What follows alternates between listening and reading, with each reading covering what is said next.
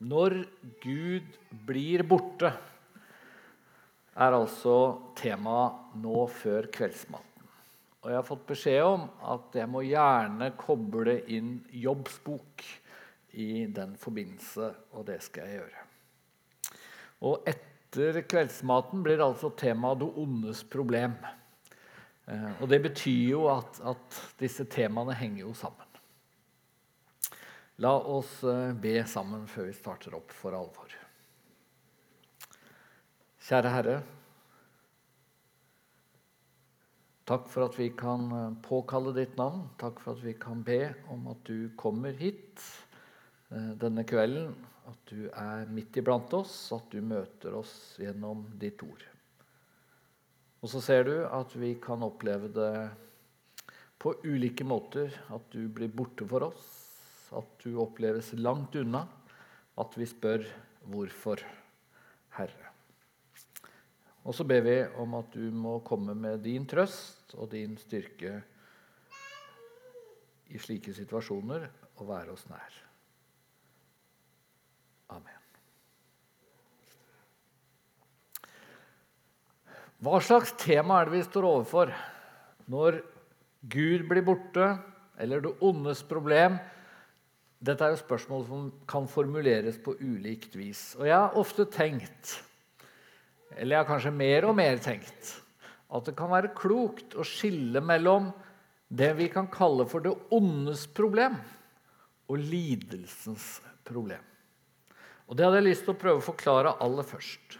For jeg tenker at det ondes problem, det er det filosofiske eller teoretiske spørsmålet Hvorfor er verden som den er?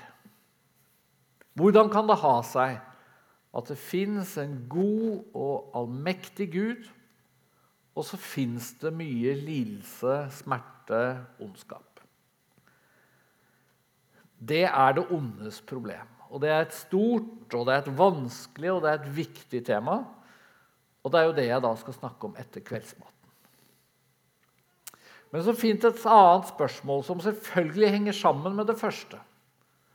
Men som likevel blir et annet spørsmål, og det tror jeg vi kan kalle for lidelsens problem. Og lidelsens problem det handler om deg og meg, vi som enkeltmennesker, som i møte med død, sykdom, ulykker, smerte, lidelse spør hva vil Gud med dette? Hvorfor skjer dette meg? Hvorfor stopper ikke Gud dette? Eller er det Gud som faktisk har sendt dette? Vil Gud noe i mitt liv med det som skjer? Og et spørsmål som gjerne kommer i forlengelsen når jeg nå har det så vondt eller når noen nær meg har det så vanskelig, og vi ber, og vi tigger Gud om å gripe inn Hvor er han? Eller hvorfor gjør han det ikke? Og det tenkte jeg at jeg skulle snakke om nå før kveldsmaten. Ikke dette store filosofiske, teoretiske spørsmålet som også er viktig, men det mer praktiske. Hvor er Gud? Hvorfor griper ikke Gud inn? Mange av dere har helt sikkert hørt om C.S. Lewis og sikkert lest av han også en del. C.S. Lewis, denne engelske eksperten på middelalderlitteratur, han som skrev disse Narnia-bøkene, og som også skrev mye om teologiske spørsmål etter at han ble en kristen i 1931 omtrent. Og jeg har ofte tenkt, at, tenkt, over det faktum at han skrev to bøker som berører spørsmål om smerte og lidelse og det onde. Den første boka skrev han som en ganske ny, ung, nyfrelst kristen mann. Den boka het 'The Problem of Pain'. Altså lidelsens problem. Men han skilte nok ikke slik som jeg har gjort eh, så langt i kveld. Dette er en teoretisk bok hvor Louis vil prøve å løse hvordan kan det ha seg at, at det fins så mye vondt i verden når Gud er god. Og så er det interessant at mot slutten av livet, etter at han hadde mista kona si i kreft, så skriver han en ny bok som også handler om sorg og smerte og lidelse. Og Den boka heter 'A Grief Observed'. Og altså sorgens betrakter. Et blikk på sorgen. Og Jeg har lest begge bøkene og blir slått av hvor forskjellige de er. Temaet er jo det samme. Det handler om sorg og død og smerte og lidelse. Og så er likevel bøkene helt forskjellige. Det ene handler om den teoretiske, kloke, unge mannen som akkurat er blitt kristen, som prøver å løse et problem, et teoretisk problem. Den andre boka handler om en mann som har vært igjennom store vanskeligheter og er midt oppi en stor sorg. Og For meg er forskjellen på de to bøkene en sånn påminnelse om at kanskje er det sånn at disse teoretiske svarene Selv om jeg skal prøve å gi noen sånn etter hvert Kanskje er det sånn at de av og til gjør mer skade enn gagn. Og i hvert fall tror jeg det er sånn at de ofte ikke letter smerten. At de egentlig ikke betyr noe for den som først og fremst kjemper med dette som lidelsens problem. Hvorfor meg, Gud? Når Gud blir borte, det er en formulering som peker i retning av lidelsens problem. Det er ikke en påstand om at Gud ikke fins, eller at Gud alltid er borte. Men hva gjør jeg? Hva tenker jeg? Hvordan reagerer jeg når, når jeg opplever at Gud ikke er meg nær? Og lidelsens problem møter vi også i Bibelen, i ganske mange tekster. Salme 10 og vers 1 så står det sånn Hvorfor, Herre, er du så langt borte? Hvorfor skjuler du deg når folk er i nød? To spørsmål, og veldig sånn presise og sterke spørsmål. Hvorfor er du så langt borte? Hvorfor skjuler du deg? Det er omtrent som overskriften for denne kvelden. Og jeg synes Det er så viktig å påpeke at vi møter altså lidelsens problem i Bibelen. Av og til så høres det ut som, særlig hvis man møter ikke-kristne, som stiller spørsmålet hvorfor er det så mye vondt i verden når Gud er god. Så virker det som de tror at dette er et spørsmål som de har funnet på sånn ganske nylig. Eller at det i hvert fall er moderne mennesker og skeptikere de har skjønt at dette er et vanskelig spørsmål. Men det fins altså i Bibelen, det fins i salmene. Det er 3000 år gamle ord som har vist at, at dette har kristne kjempet med til alle tider. Og Det betyr også at Bibelen bortforklarer aldri lidelsen eller bagatelliserer at det gjør vondt. Noen prøver jo å løse det ondes problem, eller lidelsens problem, ved å, ved å på en måte feie lidelse under teppet. Si ting i retning av at det onde er bare en illusjon. Eller komme litt sånn lettvint trøst. Men Bibelen tar lidelse på ramme alvor. Den er helt reell. Og du som sitter her i kveld, hvis du er her, som kanskje tenker at livet har egentlig aldri vært vanskeligere enn det er nå for deg. Du kan lese ganske mange steder i Bibelen om mennesker som har det sånn.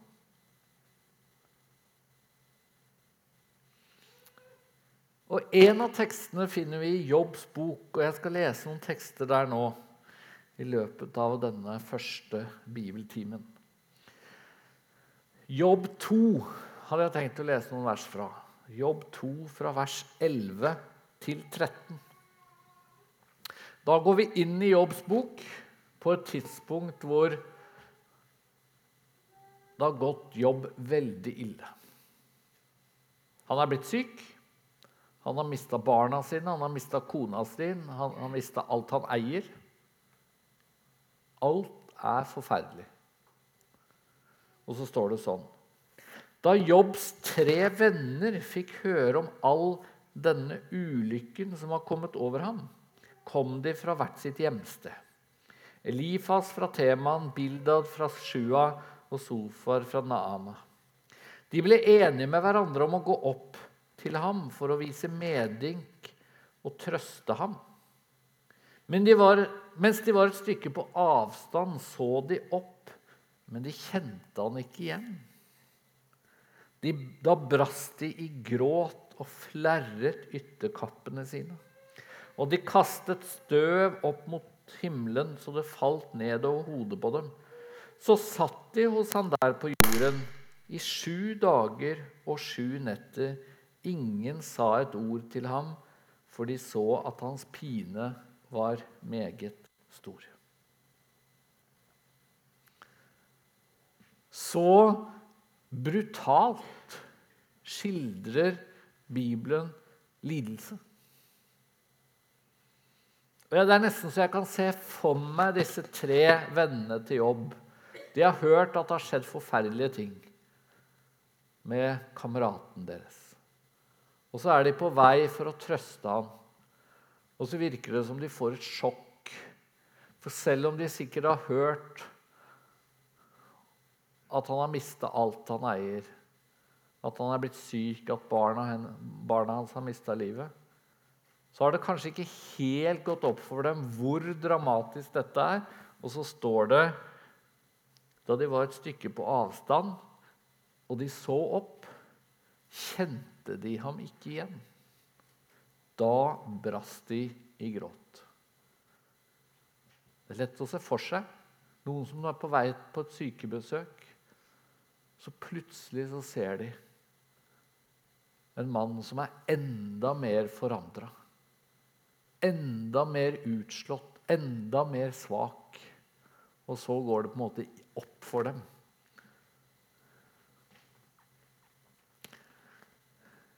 Jeg har vært litt i denne situasjonen selv for noen år siden. Mange av dere vet det sikkert. Jeg, hadde, jeg har en sønn som hadde leukemi, eh, som han fikk for fem år siden. Og Han gikk gjennom masse cellegift, mista alt håret, ble veldig oppblåst. Og noe av det verste han opplevde, det var når han møtte nære venner som kom på besøk når han virkelig ikke så ut. Og Noen av dem gjorde faktisk det vi leser om her. De begynte å gråte når de så en gutt de hadde sett for et halvår siden. Frisk og rask. Og så På et halvår så var alt håret borte. Han gikk ned 15 kilo. Klarte nesten ikke å gå. Og noen kjente han jo ikke igjen med en gang. Så brutalt skildrer Bibelen, Bibelen lidelse. Og så gjør altså i denne teksten da, så gjør disse vennene til jobb for en gangs skyld noe klokt. De holder munn. Ingen sa et ord til ham, for hans pine var meget stor. Og jeg tenker at Det er noe av det viktigste vi møter i Jobbs bok. Det er det indirekte rådet som vi møter her. Når noen har det vondt, og lidelsen, tragedien, ulykken rammer, da kan det være viktig å være der, men det kan også være viktig å holde munn. Og De valgte å være der sju dager og sju netter, men de sa ingenting. Mens jeg tror at noe av problemet i en del kristne sammenhenger, det er de som med en gang skal trøste. Det er nok en mening med det. Det er en motbakke det går oppover. Det er alltid mørkest før soloppgangen kommer. Eller nå kan du kanskje oppleve at Gud kommer deg ekstra nær. Du vet Gud skal vende alt det onde til det gode. Og så kan det være sanne ting i denne trøsten. Men det skal noe til at mennesket klarer å ta imot som trøst.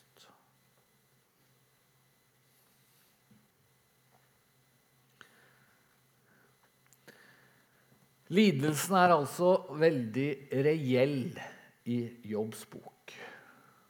Og Så blir jo da også spørsmålet ja, men hvordan møter vi den, eller hvordan håndterer vi, du og jeg, når vi har det vondt, når vi spør 'Hvor er du, Gud?' Når vi opplever at Gud er borte eller ikke griper inn, eller Hva gjør vi? Og Jobbs bok forteller oss at, at Jobb til å begynne med så er han from. Og vi skal lese fra Jobbs bok 2 fortsatt, men noen vers tidligere enn de vi akkurat leste, fra vers 7.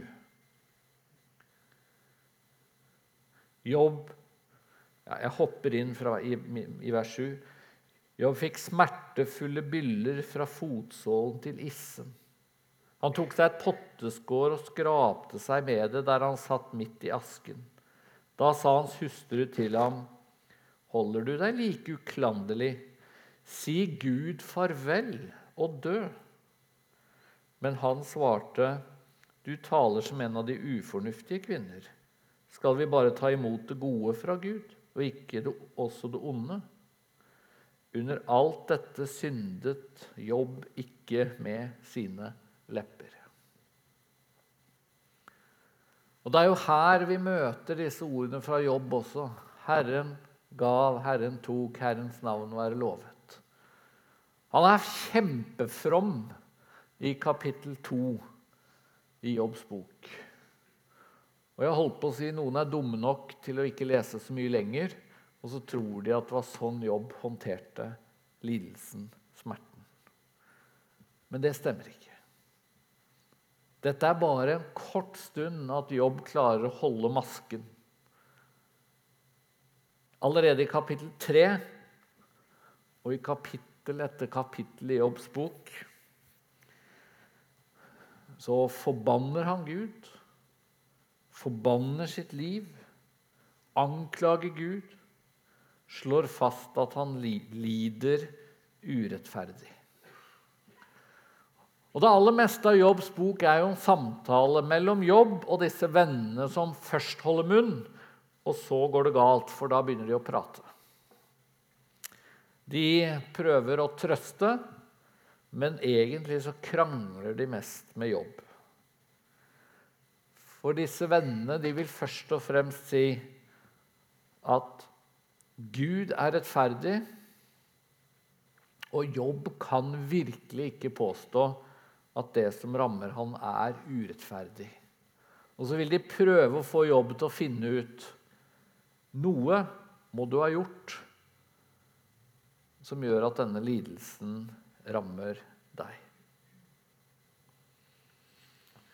Og Bare for å illustrere hvor vanskelig og hvor betent samtalen mellom jobb og vennene hans blir, skal jeg lese noen vers fra Jobb 19. Og da hopper vi altså ganske nøyaktig midt inn i disse lange samtalene mellom jobb og vennene hans. Og så leser vi fra Jobb 19, fra vers 1. Og Jobb svarte og sa, 'Hvor lenge vil dere plage min sjel og knuse meg med ord?' Det er nå tiende gang dere håner meg og ikke skammer dere ved å krenke meg. Har jeg virkelig fart vill, da blir min villfarelse min egen sak.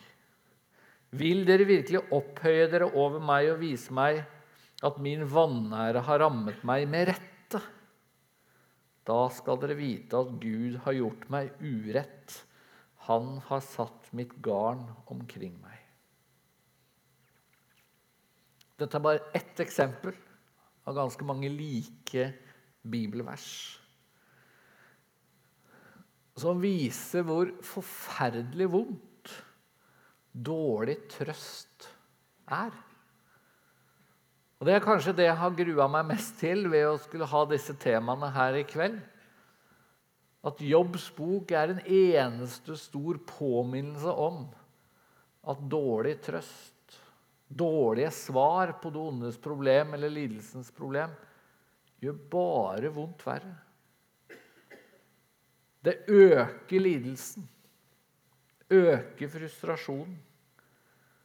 Og Jobb snakker om at det er tiende gang dere håner meg, ikke skammer dere ved å krenke meg. Vil dere opphøye dere over meg og vise meg at min vanære har rammet meg med rette? Og Det er også på mange måter hovedbudskapet i Jobbs bok.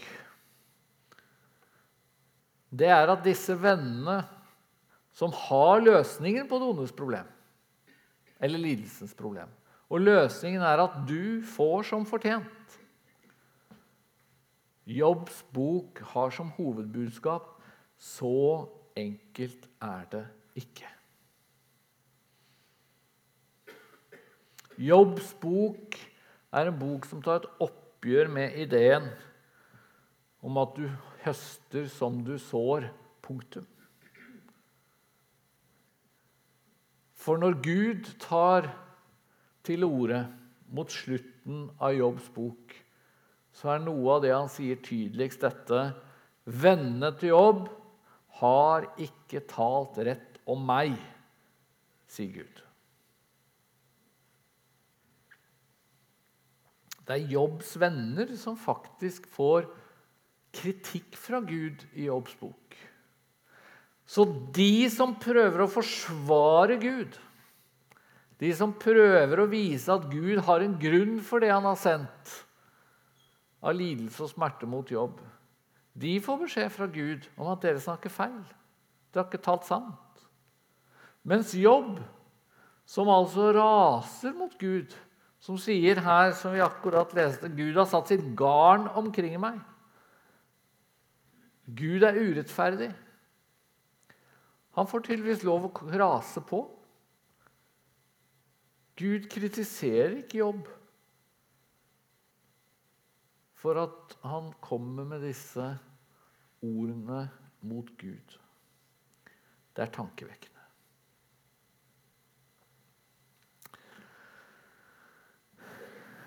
Jobbs bok får en del mennesker til å spørre er det virkelig en god Gud vi møter i Jobbs bok. For det mest underlige er jo starten på denne boka. og Vi skal gå dit nå, i kapittel 1. For i kapittel 1 så har vi Gud og Satan som møtes. Gud og djevelen. Så er det verdt å merke seg at djevelen blir borte. Han er aldri til stede i Jobbs bok, bortsett fra i kapittel 1, så langt jeg kan se. Men han er der. Og det står sånn fra vers 9. Men anklageren, som han da kalles, anklageren svarte, det er vel ikke uten grunn at Jobb frykter Gud. Har ikke du på alle vis vernet om ham og hans hus og alt han eier? Hans henders verk velsigner du, og budskapene hans brer seg i landet. Men bare rekk ut hånden og rør ved alt som er hans, så får vi se om han ikke spotter deg like opp i ansiktet.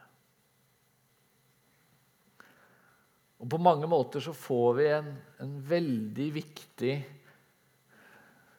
si, utgangspunkt for hele Jobbs bok i disse få versene.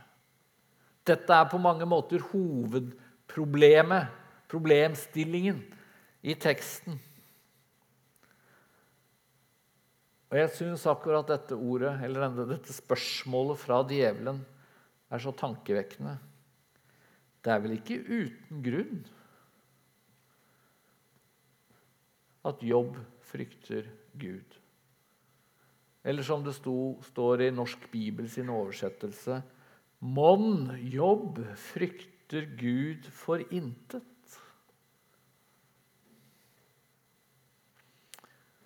Og spørsmålet er jo kjemperelevant.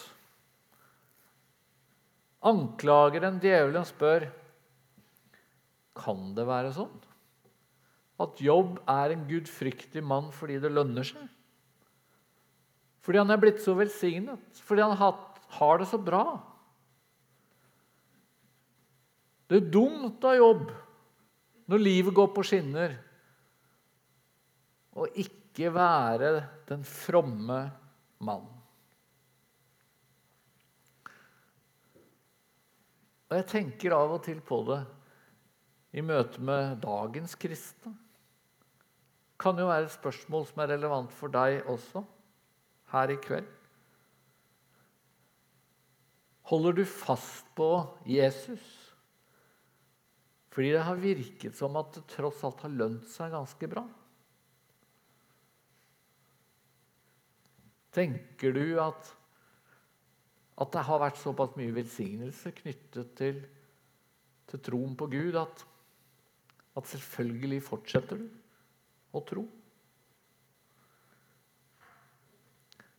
Av og til så snakker vi om at, at de hellige samfunn kanskje av og til ser ut som de heldiges samfunn.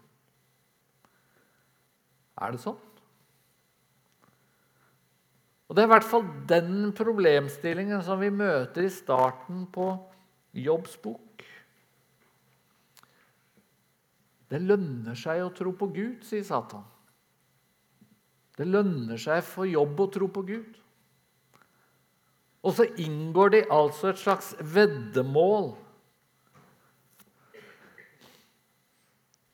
Gud og Satan skal teste om det er slik at Jobb altså begynner å spotte Gud med en gang livet blir vanskelig.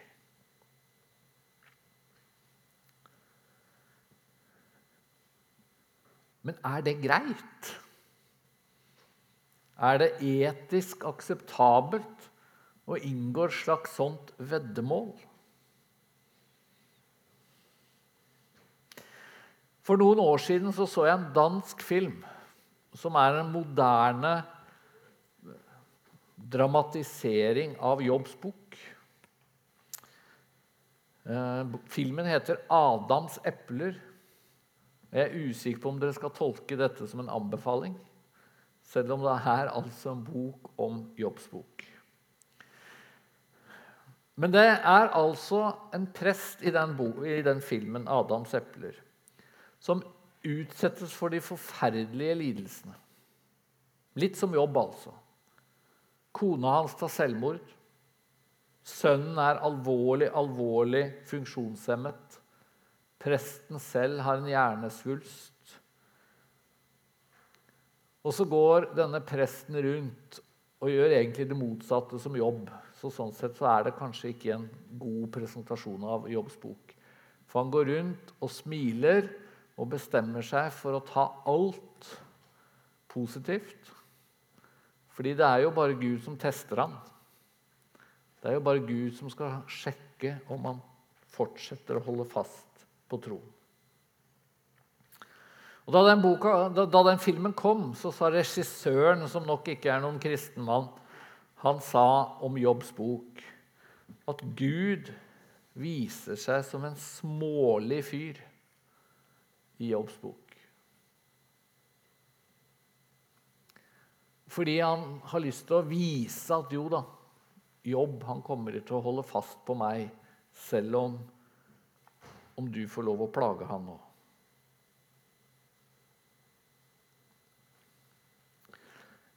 Jeg tror ikke regissøren Anders Thomas Jensen har rett i at Gud fremstår som smålig i Jobbs bok. Og For det første så er jo Jobbs bok veldig tydelig på at Gud er god. Det er der den slutter. Guds kjærlighet. skal ingen stille spørsmålstegn ved. Og det er aldri sånn at Gud sier til jobb i slutten av boka at 'jeg bare testet deg'.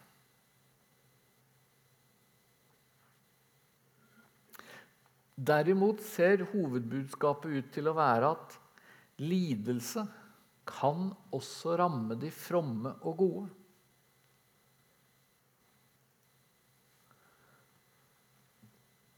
Og det er kanskje noe av det viktigste vi skal og bør si om lidelsens problem.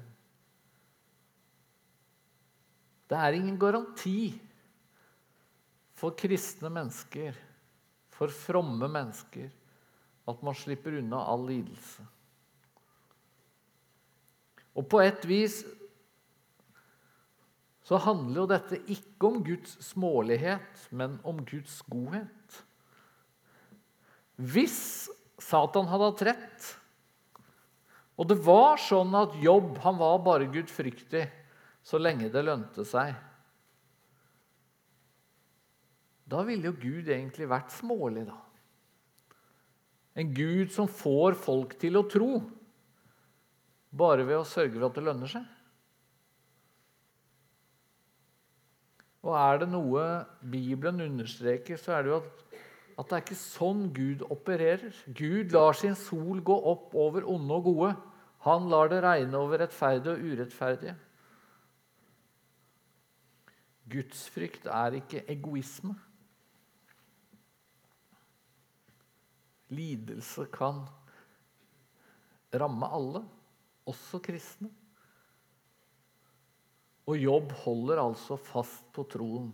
Han gjør ikke som kona oppfordrer ham til, si Gud like imot. Han holder fast på Gud.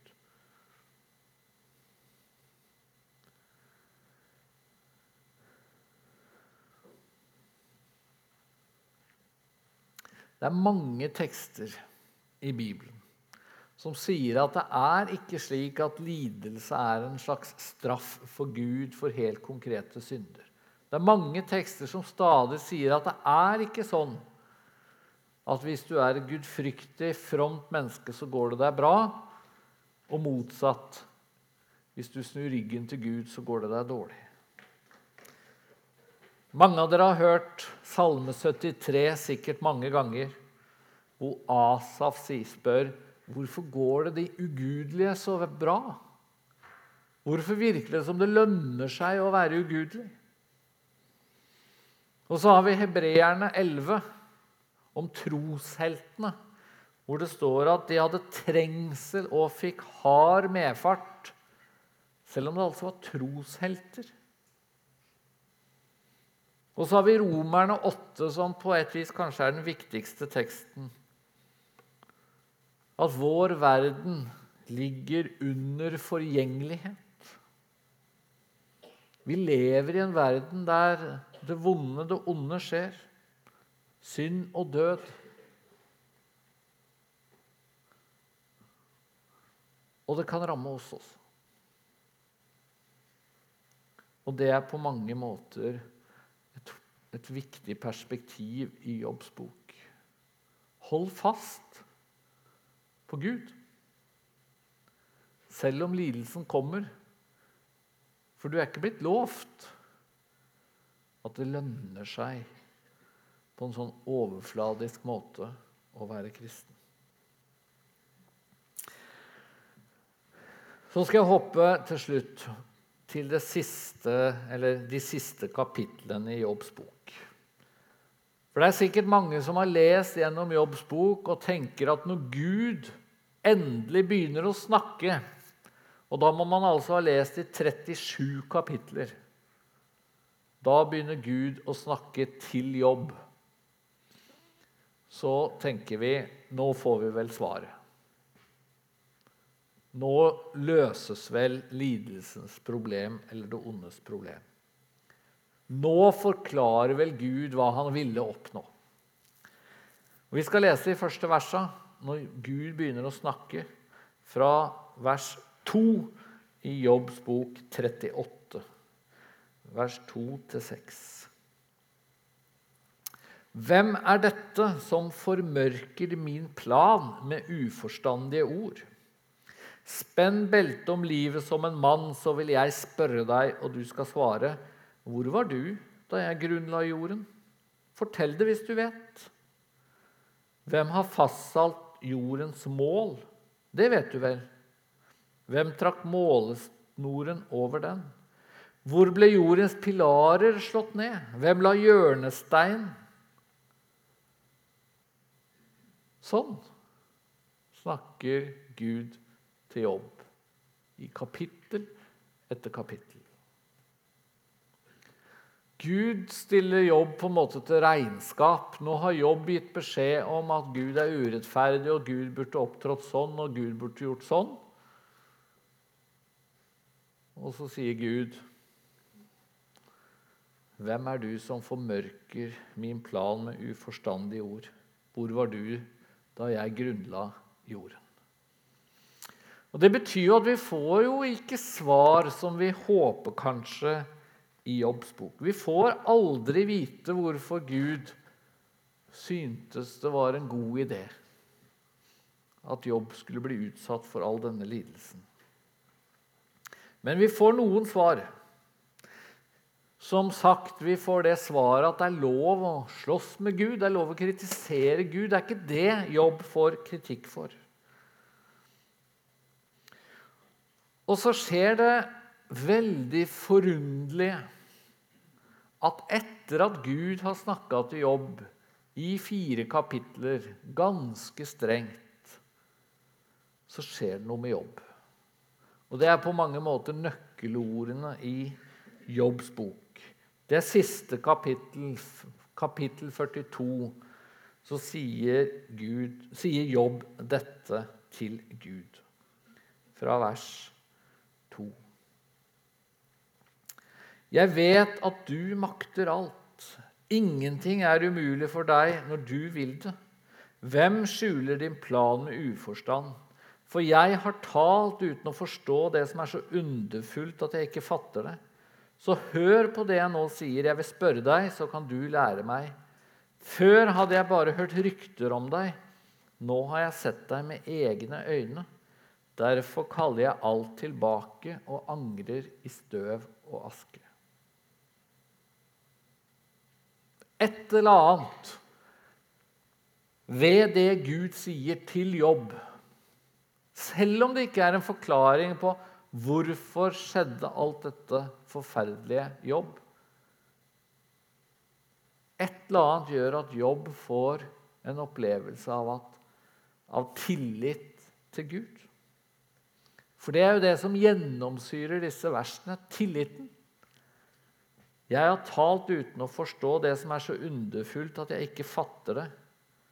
Før hadde jeg bare hørt rykter om deg. Nå har jeg sett deg med egne øyne. Et eller annet får jobb altså til å forstå hvem Gud er. At Gud vet hva han gjør, at Gud har kontrollen, at Gud er kjærlig. Og så gir på en måte jobb litt opp og prøver å forstå alt dette. Og så ender boken lykkelig, da, kan man si. Det står at Herren velsignet Jobbs siste dager mer enn hans første. Han fikk 14 000 sauer og 6000 kameler og 1000 par okser og 1000 esel, og han fikk sju sønner og tre døtre. Og så virker det kanskje litt sånn overfladisk på en måte. At Gud gjør opp for all lidelsen og all smerten. Men det som er veldig tydelig, er at det er ikke slik at Jobbs nye liv, de velsignelsene Gud byr på, har som årsak at Jobb sluttet å rase mot Gud. Jobbs ro har senket seg lenge før. I kapittel 38 så tar Gud ordet, snakker om skaperverket sitt, om sin godhet, om sin makt.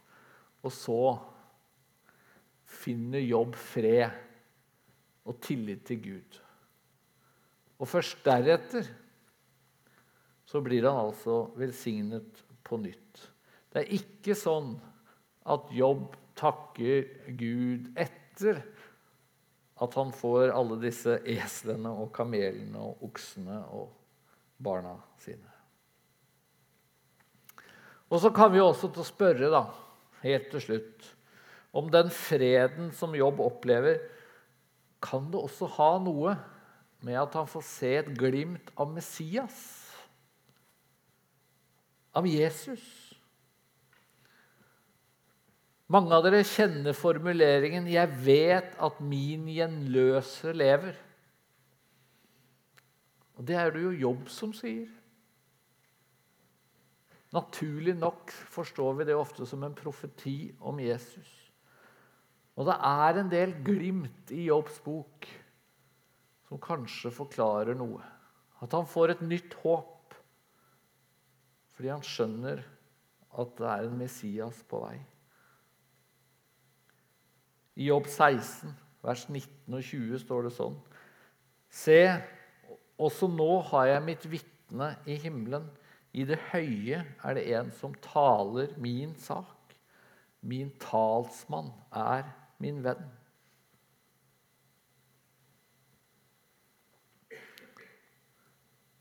Sånne tekster kan kanskje også forklare noe av den trøsten som Jobb opplever.